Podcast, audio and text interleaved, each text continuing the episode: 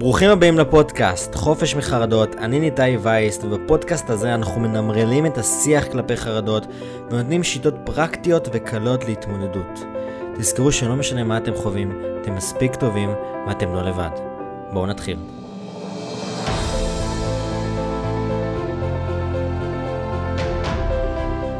שלום לכולם וברוכים הבאים לפרק 26 של הפודקאסט חופש מחרדות.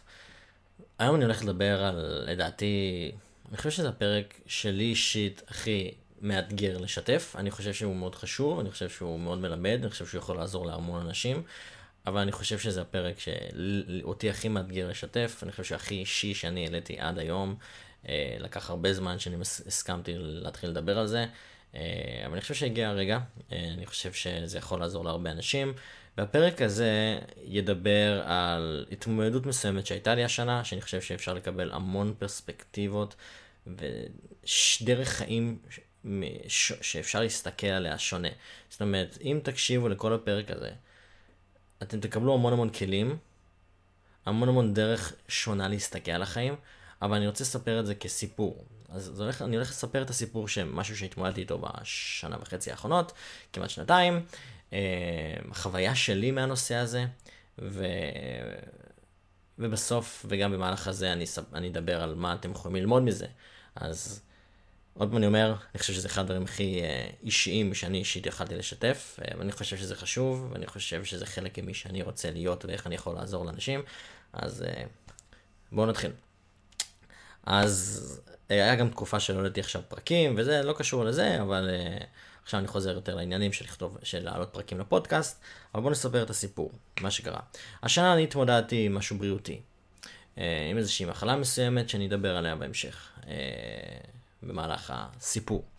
Uh, אני עד גיל 26, 5, לא נחשפתי יותר מדי, טפו טפו טפו, אבל לא נחשפתי ליותר מדי. העניין הבריאותי. מחלות, מחלות כרוניות, אה, בריאות, לא, לא נחשפתי לעולם הזה יותר מדי. טפו טפו טפו במשפחה שלי, כולם בריאים, החברים כולם בריאים. לא יצא לי לחשוב, אם אני קצת צרוד דרך אגב, כי אני עכשיו באיזשהו וירוס, אז מתנצל על זה, אבל מה שאני מנסה להגיד הוא שאני לא נחשפתי למשהו שקשור לעולם הבריאות, זה היה מאוד רחוק ממני. בחיים לא עשיתי ניתוח, בחיים לא היה לי, תמיד כשהייתי בתור ילד הייתי מפחד ממשהו, כמו משהו בריאותי, וגם דרך אגב הסיבה שאני מדבר יותר על חרדת בריאות בתקופה האחרונה או בחצי שנה האחרונה, זה בגלל הסיפור הזה שאתם הולכים לשמוע עכשיו. אז לא נחשפתי לעולם הזה יותר מדי. שמעתי על דברים כמו סרטן, כמו מחלות כרוניות כאלה ואחרות, אבל אף פעם לא נחשפתי לזה באופן אישי. אף פעם לא חוויתי את החשש הזה. עכשיו, אני חוויתי ארבע שנים של הפרעת חרדה כללית, OCD, אני יודע מה זה התמודדות עם, עם משהו נפשי, עם המוח, שהמוח נלחם בנו בחרדות, ואנחנו כל הזמן מפחדים, והחשיבה הטורדנית, ואנחנו נלחמים בלתת, באנרגיה, ובלהצ... ובלהתמודד, ובלא להישאר תקועים, ובלהרגיש מספיק טובים. אבל מה שאני התמודדתי איתו השנה מאוד שונה. חס... ש... ש... משהו מאוד מאוד שונה בהתמודדות מאשר התמודדות אה, שהיא אה, נטו מנטלית, כמו שקורה בחרדות, אוקיי? כי חרדה זה פחד לא קיצ... קיצוני לאיזושהי סיטואציה שלא קשורה למציאות. אבל פתאום שיש משהו רפואי, ואומרים לך, יש לך את זה, או אין לך את זה, פה מתחיל איזה משהו אחר. כי זה כבר לא כל כך תלוי בך, זה תלוי באלוהים, זה תלוי בגורל, ובדברים כאלה ואחרים. אז הסיפור שלי מתחיל, סיפור לגבי מה שאני רוצה לשתף אותו, התחיל במאי 2022, לפני שנה וחצי בערך. אה, הייתי אז סטודנט, ואני זוכר שלמדתי לאיזשהו אה, קורס, היה לי ממש תקופה של מבחנים, למדתי לאיזשהו קורס, נראה לי זה היה אה, מידע, משהו בעולם של מערכות מידע, לא משנה. והעברתי את היד על הצוואר, כמו השם של הפרק, והרגשתי איזשהו גולה כזאת, איזשהו גוש באזור הזה של הצוואר, צד שמאל. הרגשתי איזשהו גוש כזה יחסית קשיח, אה, ש, שלא כאב או שום דבר, אבל איזשהו גוש קטן כזה, איזשהו גולה קטנה כזאת. של, מה זה קטנה? של 1 סנטימטר, משהו כזה. אוקיי, אתה מרגיש את זה, ובתור אחד ש... שחווה, שיודע להרגיש טוב, אבל גם יכול להילחץ מדברים כאלה. ישר נלחצתי. כאילו, מה זה עכשיו? מה זה, מה זה סרטן? מה זה הגוש הזה? מה זה הדבר הזה? הלכתי, חשכתי לאימא שלי, והיא אמרה לי, לא יודע, נראה שזה סתם, נלך לרופא. הלכתי לרופאה, רופאת משפחה, בדקה אותי, אה, אמרה, אוקיי, נראה סתם כזה איזשהו משהו קשור לווירוס, או איזשהו קשור, כי בלוט... זה, זה איזשהו בלוטה כזאת, זה נראה כמו בלוטת לימפה, שזה בעצם פעילות של מערכת החיסון. אה, אז אמרו, אוקיי, כאילו, היא אמרה לי, אוקיי, כנראה שזה בגלל איזשהו וירוס, משהו כזה, נעשה בדיקות דם. היא הביאה לי כל בדיקת דם אפשרית, מאיידס, צהבת, מה לא הביאו לי. יש, היה מסתבר שיש מחלה שנקראת אה, שריטת החתול, אז גם את זה. אה, בדקו לי הכל, בדקו לי הכל, הללה, כמובן שכל פעם שיש בדיקות דם, מי שמתחבר לעולם הזה, כל פעם שיש בדיקות דם, ויש את התשובות של בדיקות דם, זה חרדה בעיניי. לראות את התאי דם הלבנים וכל הדברים האלה, זה תמיד מלחיץ אותי והלחיץ אותי. אה, אז לא אהבתי לראות את זה, פחדתי שאני זוכר ששמעתי שבמחלות כמו סרטן, אז אה, תאי דם הלבנים גבוהים מאוד, הלימפוציטים משהו כזה. קיצר, כל הבדיקות יצאו תקינות. הכל יצא תקין, לא, לא כלום, שום דבר. אה, אוקיי. ואז היא אמרה לי, טוב, בואו ננסה לעשות אולטרסאונד. היא לא דיברה איתי על מה זה יכול להיות, מה זה, זה, אמרה לי, אוקיי, כן, זה סתם, בואו נעשה אולטרסאונד באזור הצוואר. עשיתי אולטרסאונד, רואים שיש שם איזשהו גוש באמת יחיד, אין לי בשום מקום אחר. אה, אבל צריך להמשיך לבדוק, כי אולטרסאונד, מי שלא יודע, זה סוג של כזה, כמו סונאר כזה בצוללת, שבודק את ה... איברים פנימיים יותר, והוא יכול למצוא איזשהו, משהו מוגדל, או משהו, אה, אה, משהו לא, לא, משהו פועל לא נכון. ראינו שיש איזשהו אה, גול כזאת, איזה גוש כזה, אבל צריך להמשיך לבדוק, זה מה שכתבו לי בסופו של דבר. ואז התחלנו להיכנס לתקופה קצת יותר של חוסר ודאות, מלא בדיקות, אני זוכר שעשיתי, כי עוד פעם היא אמרה לי שזה כנראה שום דבר, אבל בוא נמשיך לבדוק. עשינו, אה, עשיתי רנטגן ללב, עשיתי, אה, מה עוד עשיתי שם? אולטרסאונד לכליות, לבטן, אזורים שונים, לבית השחי, עשיתי כל מיני בדיקות כאלה ואחרות, הכל יצא תקין, שום דבר. ואז התחלנו, אוקיי, אנחנו רואים שהכל תקין, לא, הבלוטה הזאת, הגולה הזאת נשארת באותו גודל, לא משתנה, ותמיד אומרים לך כזה, זה, זה הדבר הראשון שאומרים לך בתקופות, בדברים האלה, אומרים לך, אה, אתה מרגיש עוד גושים כאלה באזורים אחרים, אין, אז נרגעתי, כי ישר עולה לך בראש, לא דיברו איתי על זה, אבל ישר אומרים לי, אה, כאילו, אם יש גושים באזורים אחרים, אז אולי זה באמת סרטן או משהו כזה, נכנסתי לחרדות, תקופה מאוד חרדתית. אה, שפשוט כל הזמן אומרים לי כזה, יש לך עוד גושים, משהו כזה, לא, אין שום דבר, בודקים, רואים שאין שום דבר. אני זוכר שעשיתי בדיקות בירושלים, עשיתי בדיקות זה, כאילו היה מקומות, כי מי שלא יודע, כל עולם הבריאות קשה מאוד לקבוע תור מעכשיו לעכשיו, יש תורים ש... חצי שנה קדימה, צריך למצוא דרכים לעשות את זה, לייעל את הדבר הזה. הכל קצת תקין, שום דבר, אין לי שום דבר, אין לי אה, בלוטה אחת ספציפית באזור הזה של הצוואר. ואז אה, הגענו למסקנה שאוקיי, בואו ניקח... אה, אה, גם משהו ששואלים אותי בהתחלה, שגם זה יותר חרדות למי שיש לו חרדות, או מי שמפחד בכלים מהבריאות שלו, אומרים לך, אתה מזיע מאוד בלילה, אתה יורד במשקל הרבה מאוד, אתה, אה, יש לך חום שלא עובר, אתה מתחיל להתחיל, ברגע שאומרים דבר כזה, הדבר הראשון שאתה עושה זה בודק על עצמך. אוקיי, האם אני מזיע מול בלילה, האם אני מאוד זה, וכל הדברים האלה לא. אז בראש שלי זה כנראה שטויות, אבל עדיין זה מלחיץ. ואז עשינו, ואני רוצה כן לשתף את העולם הבריאותי בעולם הזה, אני כן רוצה לשתף את זה לעומק, כדי שאולי שמישהו גם חווה את זה, או חווה את זה, או אולי אפילו יחווה את זה, אה, לא ירגיש לבד. אז עושים לך, מישהו שמע בעולם על ביופסיה. ביופסיה זה בעצם אנחנו לוקחים את החתיכה קטנה מהגולה הזאת או מהגוש הזה, ורוצים לבדוק אה, ממה זה עשוי. מה יש שם בפנים. האם יש שם אולי באמת תאים סרטניים, האם יש שם, אם זה סתם, רוצים לבדוק ממה זה עשוי. אז בפעם ראשונה לא באמת אנשים חושבים ביופסיה או זה, מוציאים לך את כל הגוש, לא. בפעם ראשונה עושים משהו די עדין שנקרא FNA, Fine Needle Aspiration נראה לי קוראים לזה, שבעצם אתה הולך לאיזושהי מרפאה, בלי הרדמה, בלי שום דבר, לוקחים איזשהו מחט כזה ודוקרים לך את ה... קטן, לא, מרגיש את זה, לא מרגישים את זה כמעט. ודוקרים לך את הגוש גולה הזאת שיש לנו. אוקיי? עשו לי את זה, לא, הכל בסדר. אה, כמובן חרדות, לחץ, עוד תקופה מלחיצה של מה, מה זה, ואם זה סרטן, ואם זה זה, ולמה אין תשובות, ולמה, ואני מדבר כבר חודשים, כל העניין הזה זה חודשים שעשות עוד בדיקה, עוד אולטרסאונד, עוד זה, כדי לבדוק ש... שזה, ואנחנו רואים שגם הבלוטה לא עוברת. אה, ואז עשיתי את הבדיקה הזאת, והבדיקה הזאת אה, אמרה שלא רואים שם משהו סרטני. אה, זה כנראה ריאקטיבי, ריאקטיבי זה אומר שזה כנראה תגובה לאיזשהו משהו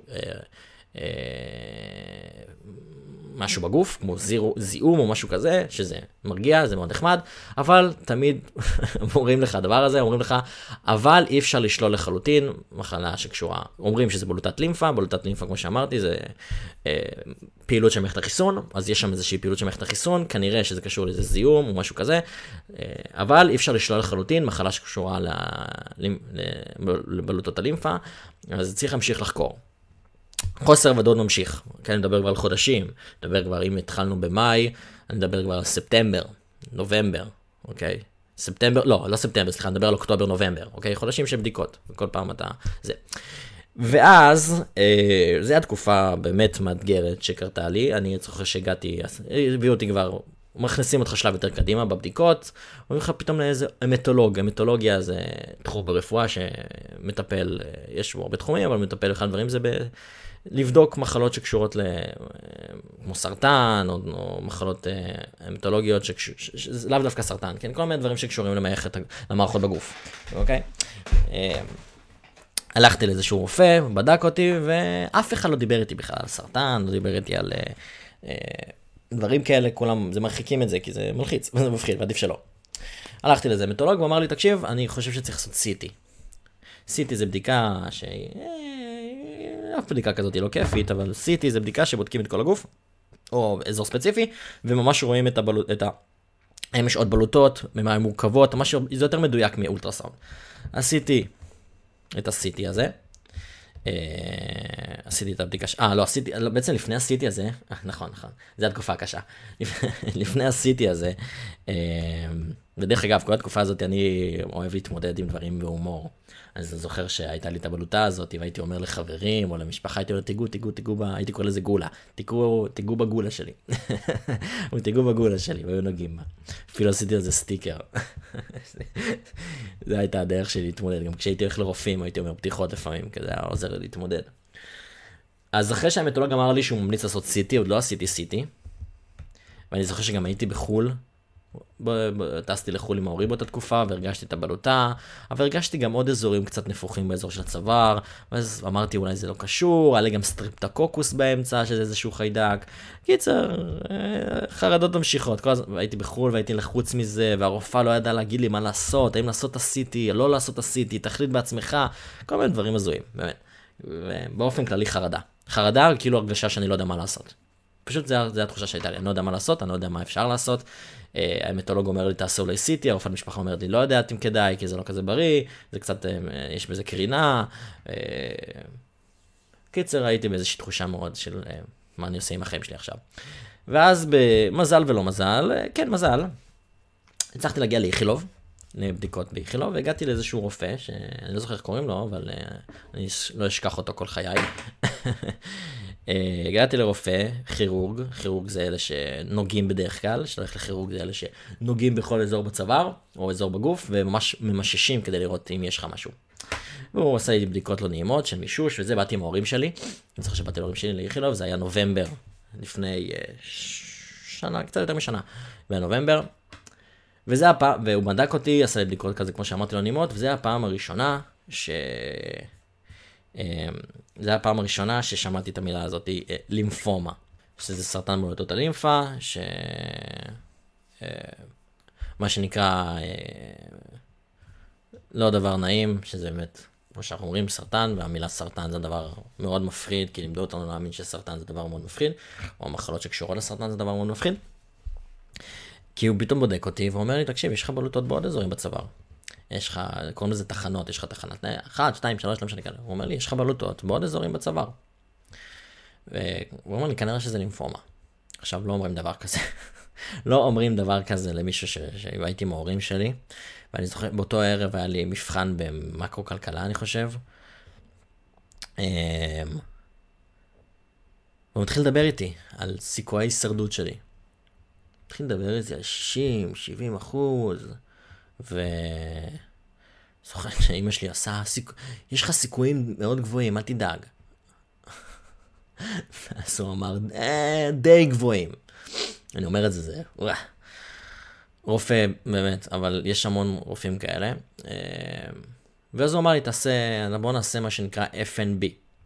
FNB זה הדבר הבא מ-FNA, FNB, Fine Needle Biopsy נראה לי, שלוקחים חתיכה גדולה יותר. זה כבר כן הרדמה מקומית, ומישהו כזה, סוג של כזה דוקר אותך בבלוטה הזאת, והם לוקחים חתיכה יותר גדולה. זה כבר יותר לא נעים, אבל עשה לי את זה.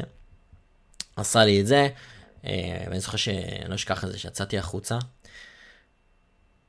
ואז פעם ראשונה בחיים שאני, הייתה לי מחשבה, אז מה הטעם?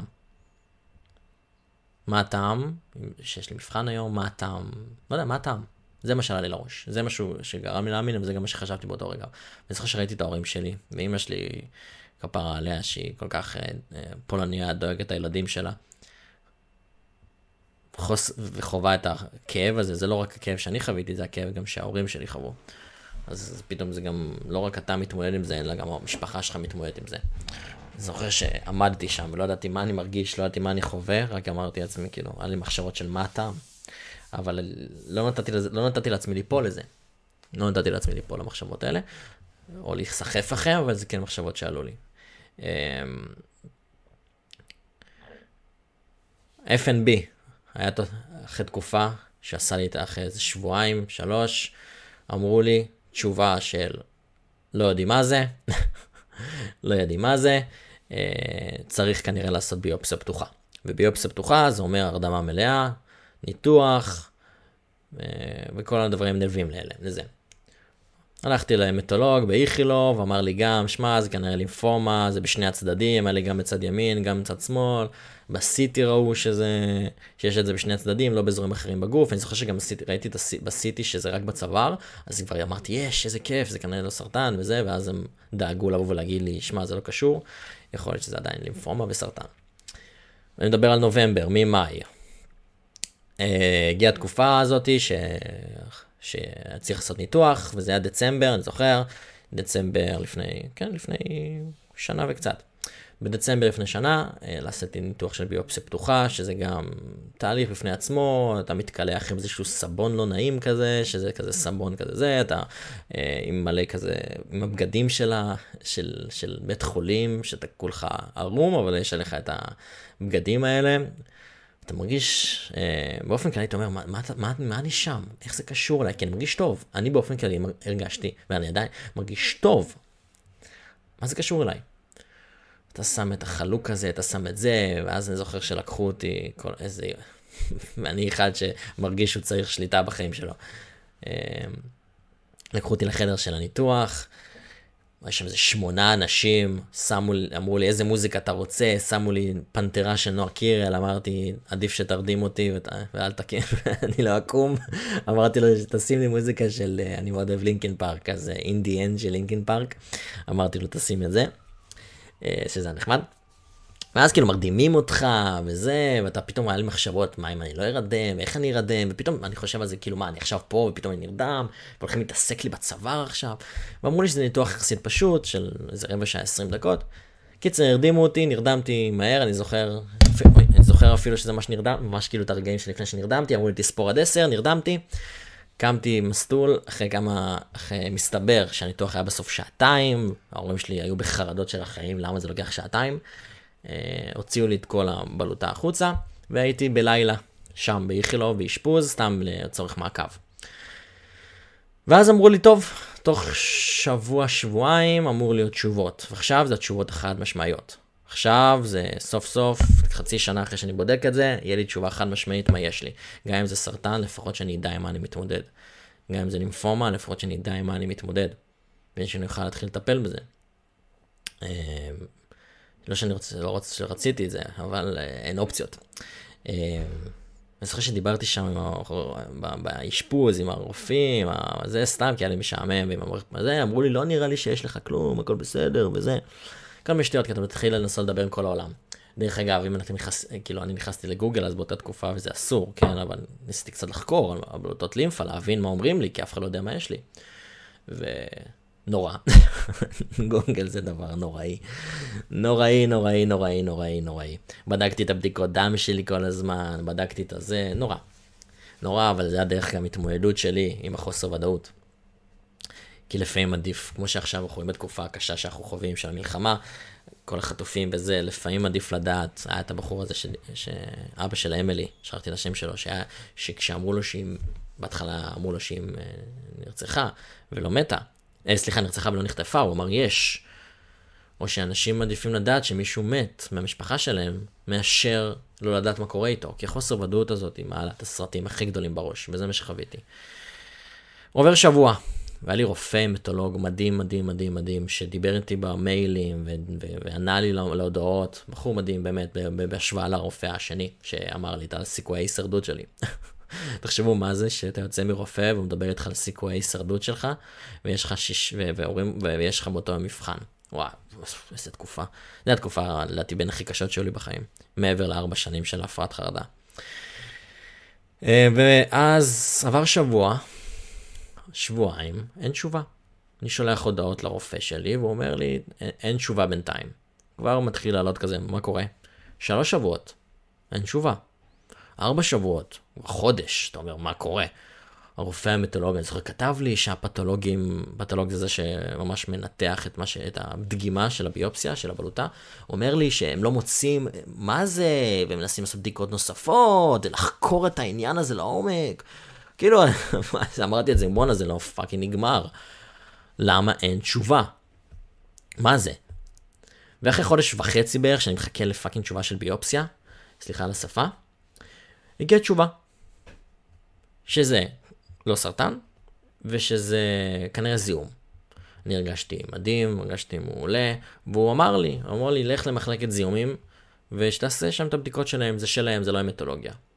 הלכתי אליהם, למחלקת זיהומים, מנהלי מחלקה, רואים אותי דרך אגב, מה שאני יודע בימי, יש ימים ספציפיים באיכילוב, בבתי חולים, שממש יושבים על, רופ, על מטופלים או אנשים שלא יודעים מה יש להם, פשוט חבורה של פרופסורים ורופאים יושבים ואומרים, אוקיי, מה הדבר הנכון לו? ועשו לי את זה גם, מול מה הדבר הנכון לו? אוקיי, בוא נשלח אותו ל... זה כנראה זיהום, בוא נשלח אותו ל... זה מה שהפתולוגים אמרו, שזה זיהום. בוא נשלח אותו למחלקות, מחלקת זיהומים. עשיתי שם את הבדיקות, שכבר עשיתי חלק מהם, והגיעו למסקנה שזה לא זיהום. שזה לא זיהום, לך תחזור למטולוגיה. ועוד פעם חרדות, מה עכשיו המטולוגיה עוד פעם, מה זה... כל פעם, עוד פעם, ואני מדבר על כבר, לדעתי, פברואר. נדבר על פברואר, כאילו. כמעט, אה, כן, פברואר, ממה התחלתי לאבחן את זה? ב-2022, בפברואר. כבר יותר משנה, פחות משנה מהיום. חזרתי למטולוגיה, המטולוגיה אומרים, אנחנו לא יודעים מה לעשות איתך. לך למחלקה שנקראת פנימית מייעצת, אני משתף אתכם את הכל, כי אני חושב שזה כן חשוב, אה, ואני רוצה לשתף אתכם בכל התהליך. פנימית מייעצת זה המחלקה שמביאים אליה את כל האנשים שלא יודעים מה לעשות איתם.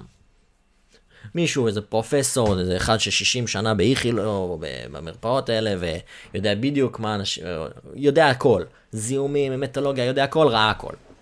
מגיע אליו, אומר, תן לי עוד מלא בדיקות של מחלות אוטואימוניות, כל הבדיקות יוצאות שליליות. עוד פעם, מבוי סתום, אני כבר אומר מה קורה, מה עכשיו. ואז הוא מתחיל להגיד לי, כמובן לחרדות, שאולי טעינו. אולי הביופסיה טעו, וצריך לעשות כנראה עוד ניתוח. עכשיו תבינו, עוד ניתוח, ביופסיה רביעית, לך לעשות עוד ניתוח, נבדוק, עוד פעם, קרו מקרים נדיר מאוד, אפסי, נדיר מאוד, אבל יכול להיות שפספסנו. אני לא ראיתי לזה סוף כבר. אמרתי כאילו, מה קורה? אין לזה סוף. זה מה שהרגשתי, אין לזה סוף. לא ידעתי מה קורה איתי. בינתיים אני מרגיש שהבדלותות או נוצרות חדשות והן קצת גדלות, אני לא יודע מה קורה איתי. אני כאילו, כאילו אתה מרגיש שהגוף מגיב, ויש איזושהי מחלה, אני מרגיש טוב, אבל יש איזו מחלה, הגוף מגיב, בלוטות חדשות נוצרות, אבל אף אחד לא יודע מה זה. ואז זוכר שאבא שלי שאל אותו, את הרופא הזה, שאל אותו למה אנחנו לא מתחילים איזשהו טיפול, כמו באמת שעושים בסרטן, אם זה כנראה סרטן, כימותרפיה, הקרנות. הוא אמר, אנחנו לא עושים דבר כזה, היה פעם את האירוע של אה, אמיר פי גוטמן, שאם מישהו מכיר, שהוא בסוף אה, נפטר באיזשהו אה, טבע, אבל חשבו שיש לו לימפומה. ובסוף גילו שיש לו מחלה המטולוגית שיש, שנקראת קיקוצ'י, שזה איזושהי מחלה גם שעוברת לבד, אבל הוא סתם עשתה כימותרפיה. אז כנראה שהגיעו למסקנה שלא עושים סתם, לא מביאים סתם טיפולים למישהו שלא יודעים בדיוק מה יש לו, וזה נכון גם בעיניי. קיצר אמר לי בוא נשים תוך רביעי. ואז נקלט, נכנסתי, אה, שמעתי סיפור של... אה, הייתה בהישרדות קייסי, כן קייסי, שהיה לה גם איזה משהו, שבסוף גילו שיש לה קיקוצ'י, כי שלחו את הבדיקות שלה לגרמניה וארצות הברית נראה לי, דיברתי איתה פעם אחת. אה, ואמרנו בוא נעשה את זה גם, במקום לעשות עוד ניתוח, עוד הרדמה, עוד זה, עוד לחתוך חלק מהצוואר. גם כשאתה בניתוח ואתה אומר לעצמך בואנה פאקינג חותכים לך חלק מהצוואר עכשיו, אה! חרדות, אני כולי רוצה שליטה ואז זה. ואז שע... דיברנו איתו, אמרנו לרופא הזה, בוא נעשה, בוא נשלח את זה לארצות הברית. הוא אמר לא, הוא אמר, אה, בוא נעשה עוד ניתוח, ואחר כך אולי נשלח את זה לארצות הברית, בוא נעשה עוד אחד. והמטולוג שלי, ברוך השם, בן אדם כזה מדהים, אה, דיבר עם מנהלת מחלקה, וביחד עם כל הפרופסורים שם, שישבו עליי ליומי חמישי, מה עובר על ניתאי הזה, מה יש לו. שלחו לארצות הברית, ל-NIH, זה אחד המכונים הכי גדולים בעולם לרפואה, שלחו את הדגימה של הביופסיה שלי, אה, דרך אגב, סתם שתדעו שאם אתם עושים ביופסיה, אז הדגימה פשוט נשארת כל החיים בבית חולים. אז אה, ממש. אז שלחו את הדגימה לארצות הברית. שלוש שבועות, חודש, עוד פעם מחכה, נדבר כבר על מרץ. אה, פחות משנה מהיום. ואז אני זוכר שהוא אמר לי, הוא אמר לי תגיע. המטלוג שלי אמר לי תגיע. באתי עם ההורים, עוד פעם חרדות, וואו. זוכר שנכנסתי, נכנסתי לחדר של המטולוג, ויושב שם המטולוג שלי, החמוד, ולידו יושב פסיכולוגית, והוא אומר, ניתאי שלום, זה פסיכולוגית, יושבת איתנו היום. הסתכלתי על אבא שלי, הוא הסתכל עליי, והיה מבט כזה של, תתכונן. לא אשכח את זה בחיים. היה מבט כזה של תתכונן, וואו. ואז אני עושה לו, אמ, אני עושה לו, תגיד ישר, מה זה אומר שהיא עכשיו יושבת פה פסיכולוגית? הוא אומר לי, אז הוא אמר לי, לא, זה לא קשור, זה סתם, אנחנו רוצים לתת, לתת לה מקום בחלק מהמחלקות וזה. ממש מקום טוב להביא פסיכולוגית ביום של הבחנה. נדבר עוד פעם, מעל כמעט שנה של בדיקות. אמ, והגיע תשובות. שארצות הברית הצליחה לאבחן את זה, מה שבישראל לא הצליחו לאבחן. בישראל שללו לי את המחלה הזאת, שזה לא לימפומה, זה איזושהי מחלה נדירה, בין 200 אלף למיליון אנשים חווים משהו כזה. הרבה אנשים אני מניח לא יודעים שיש להם זה, אבל אה, קוראים למחלה הזאת רוזאי דורפמן disease, RDD, זה איזושהי מחלה שקשורה לבלוטות לימפה ומה שמטה דם לבנים שנקראים איסטוסוטיוציס, משהו כזה. אה, באופן כללי זה גידולים שפיריים, יש גידול שפירי ויש גידול אה, גרורתי בסרטן. גרורתי זה אומר שזה מגיע לאזורים נוספים בגוף וזה מסוכן וצריך לטפל, ושפירי שזה בדרך כלל באזור 1 או 2, משהו כזה, אה, וזה בעיקרון לא מסכן חיים. על פניו, באמת, תשובות יחסית טובות, כי זה או לימפומה, אני לא חייב, אני לא צריך להיכנס עכשיו לכימותרפיה והקרנות, כמו שהכינו אותי כמעט שנה, כולם אמרו לי את זה. אה, אבל זה המון חוסר ודאות, מחלה מאוד נדירה, שב-2022 הארגון העולמי כן החשיב אותה כסוג מסוים של סרטן דם, אבל אתה קצת לא מבין את זה, כאילו, מה זה אומר, מה זה. ואז הלכתי לישראל, היופי הוא שיש לנו, אה, יש לנו רפואה מאוד מתקדמת. הלכתי לאסותא, לאיזושהי מחלקה שמתמחה במחלות נדירות, כאלה כמו שיש לי, אה, ובאופן כללי אני מרגיש מעולה, אני מרגיש טוב. וההנחה היא, וזו מחלה נדירה וזה כאילו משעשע, אבל כאילו, ההנחה היא שב-40% המקרים זה עובד לבד, פשוט יורד, יורד לבד. ובמקרים אחרים צריך לטפל. סטרואידים, טיפול ביולוגי כזה או אחר, אבל באופן כללי אני מרגיש טוב וזה לא מסכן את החיים שלי. דרך, אני, תחשבו, כל הבדיקות שהייתי עשיתי, עשיתי MRI מוח, עשיתי CT, עשיתי PET CT, PET CT זה בודק את הגלוקוז, את ה... כי בגידולים, דברים כאלה, הם עובדים על סוכר, הגלוקוז, אז בודק את הגלוקוז, כל בדיקה אפשרית, עשיתי הכל, באמת, ו-MRI מוח זה אחת הבדיקות הכי מלחיצות שיש, חייב לציין.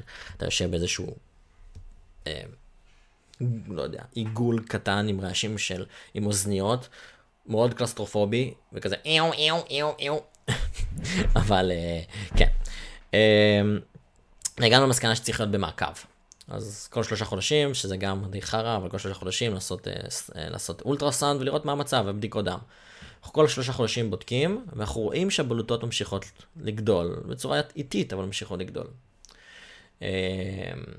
הייתי בבדיקה לפני שלושה חודשים בערך, ואנחנו רואים שזה ממשיך לגדול, ויש החמרה מסוימת בגודל של, של הבלוטות, אבל אני מרגיש טוב. זה לא מפריע לי, זה לא משפיע עליי, וזה כן בולט באיזשהו מקום. אם אתם רואים את הפודקאסט הזה, אתם יכולים לראות את האזור הזה של הצוואר. אני, מי ששומע אותי רק, לא רואה את זה עכשיו, אני אעלה לזה יותר, אתם רואים את האזור הזה, יש את האזור בלוטה הזאתי, יש את הבלוטות פה, רואים את זה קצת. באופן כללי זה לא, לא מפריע לי. והגענו למסקנה שאפילו שאני מרגיש טוב, הגיע הזמן לטפל. והטיפול הראשוני זה סטרואידים. נתחיל טיפול של סטרואידים, אה, שזה גם חוסר ודאות, אני ממש עוד לא התחלתי, אני מתחיל כאילו אשכרה מחר ואני רוצה לשתף את התהליך הזה, אבל אשכרה מחר עוד מחרתיים אני אתחיל את הסטרואידים, אה, שהמטרה זה, ש, שזה גם, זה, זה גם, זה גם חוסר ודאות, כי בערך ב-40% מהמקרים, ככה מספרים, כן, אנחנו מדברים על אחוזים, לא, זה לא עכשיו שיש מיליוני אנשים שחווים את זה. זה מחלה נדירה. אבל ב-40% אסטרואידים פותרים את זה לחלוטין וזה לא יחזור יותר. בערך בין 50 ל-70 אחוז יפתור את הבעיה ואולי יחזור בעתיד. ויש אחוזים שזה לא יעבור, שזה לא עוזר. ואז הולכים לטיפולים אחרים, כמו טיפול ביולוגי או כאלה ואחרים. אבל אני מנסה לחשוב על זה. אני מנסה להגיד לעצמי, זה יעבוד, זה יעבור, אה, זה יצליח. ואני הולך לקחת עכשיו בערך שבועיים, ואחרי זה, זה בערך חודשיים של טיפול סטרואידים, שזה גם המון חוסר ודאות. אני חושב שאחד הדברים שלמדתי בתקופה הזאת, זה, זה, זה להתמודד עם חוסר ודאות. עכשיו, כל מה שסיפרתי לכם היום, אני היום בסיטואציה שאני מתחיל טיפול עכשיו, אה, ואני רוצה לעזור לעצמי גם מבחינה מנטלית, אם זה בהיפנוזה, דמיון מודרך, אני מאוד מאמין בגישה של מנטליות ואמונות כדי לריפוי הגוף. אה, ומה שאני רוצה כסיכום של, של דברים, לשתף אתכם בזה, ושתיקחו את זה גם מהפרק הזה.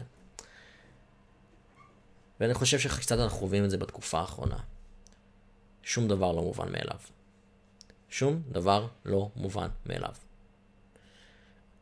אני קמתי בבוקר, אני זוכר שהרופאה משפחה ראתה אותי כמה חודשים אחר כך, והיא אמרה לי, אני כל כך מצטערת, ניתאי, כל כך מצטערת על מה שחווית, על מה שעברת, על התקופה הזאת.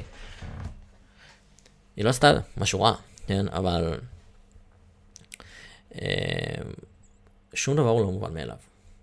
אתם יכולים לקום מחר בבוקר עם בעלותה, עם משהו, והחיים שלכם השתנו. אני הייתי עכשיו בכמעט שנתיים של בדיקות וחוסר ודאות, אה, ואני חושב שזה פשוט מביא, והמחשבות של אשכרה, אה, מה הטעם ומה זה. ואני חושב שזה אחד מהדברים ש, שלמדתי גם, זה ש... שהחיים, ש, שאנחנו באמת לא יכולים לדעת, ולכן צריך להתחיל להעריך את מה שיש לנו כאן ועכשיו. אתם מרגישים טוב, המשפחה שלכם בריאים, חברים שלכם בריאים, אתם קמים בבוקר לא בתחושה שאני זוכר שאני הייתי עושה מדיטציות בבוקר, והייתי לפעמים מוקיר תודה שאני יכול לקום היום בלי לחץ או חרדה מהמחלה. כי נגיד הייתי בתקופה שידעתי יותר מה זה, שגיליתי מה זה, או שידעתי שזה לא מסכן אותי. אה, דרך אגב, זה לא תורשתי, זה לא גנטי, זה לא מדבק כמובן. אה, זה מה שאני אישית מתמודד איתו, אבל ההבנה הזאת שהחיים מאוד מאוד, שאין דבר כזה שליטה, שהחיים הם הולכים לפה ולפה, ולכן צריך להעריך את מה שיש לנו. מה שיש לנו כאן ועכשיו, צריך להעריך ולהגיד תודה, ואני זוכר שאמרתי כל כך הרבה תודה. ש...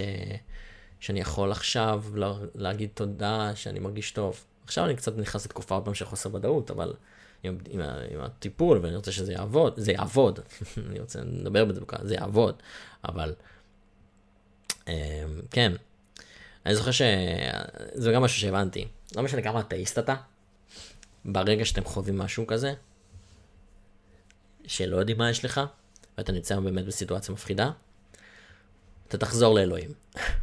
אתה תחזור להתפלל.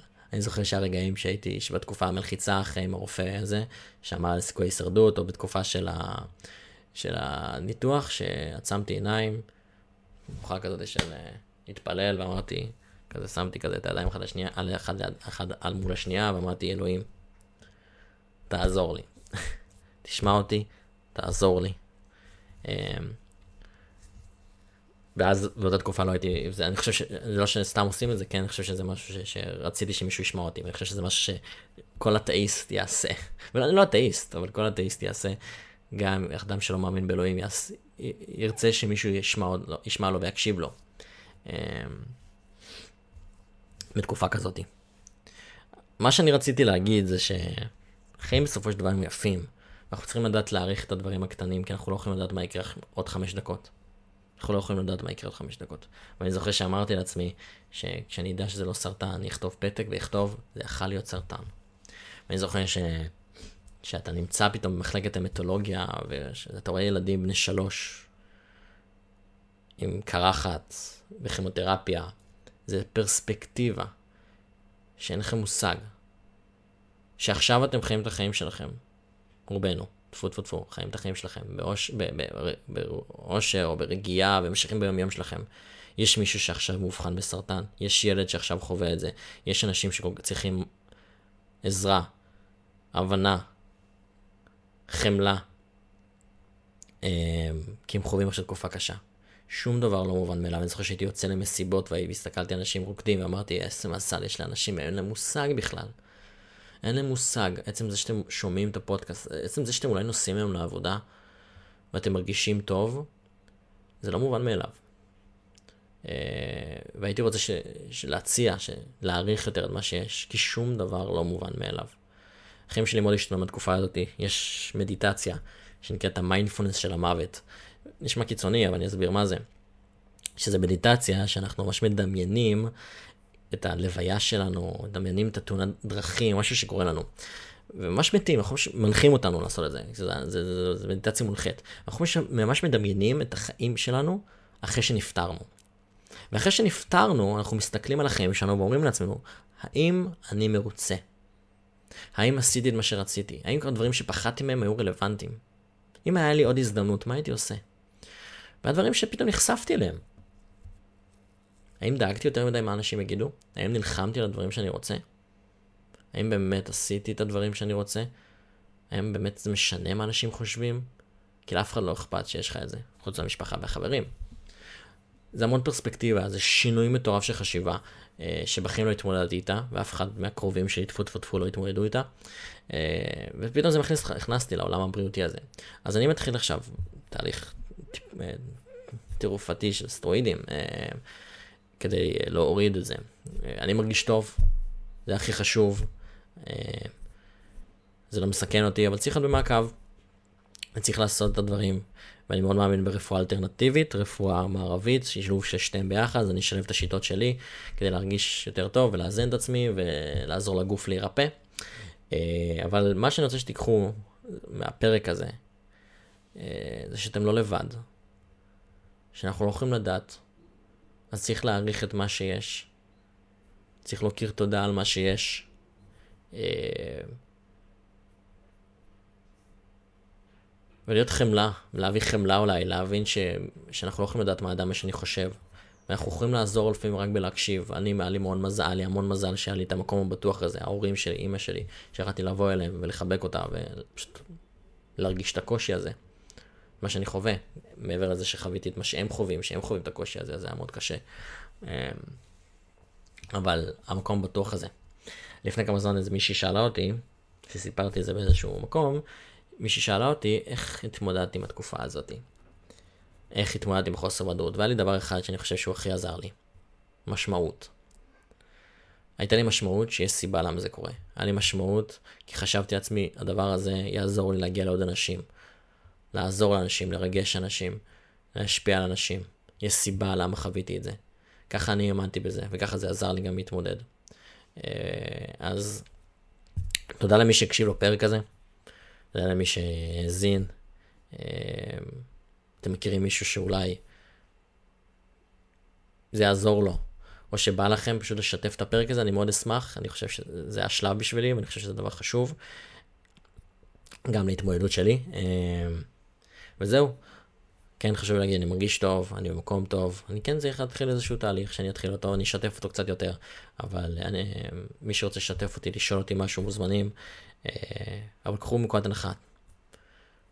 החיים יפים, תעריכו את מה שיש לכם כאן ועכשיו, כי זה הרבה יותר ממה שאתם חושבים, זה הרבה יותר ממה שיש לאנשים אחרים, יש אנשים ש...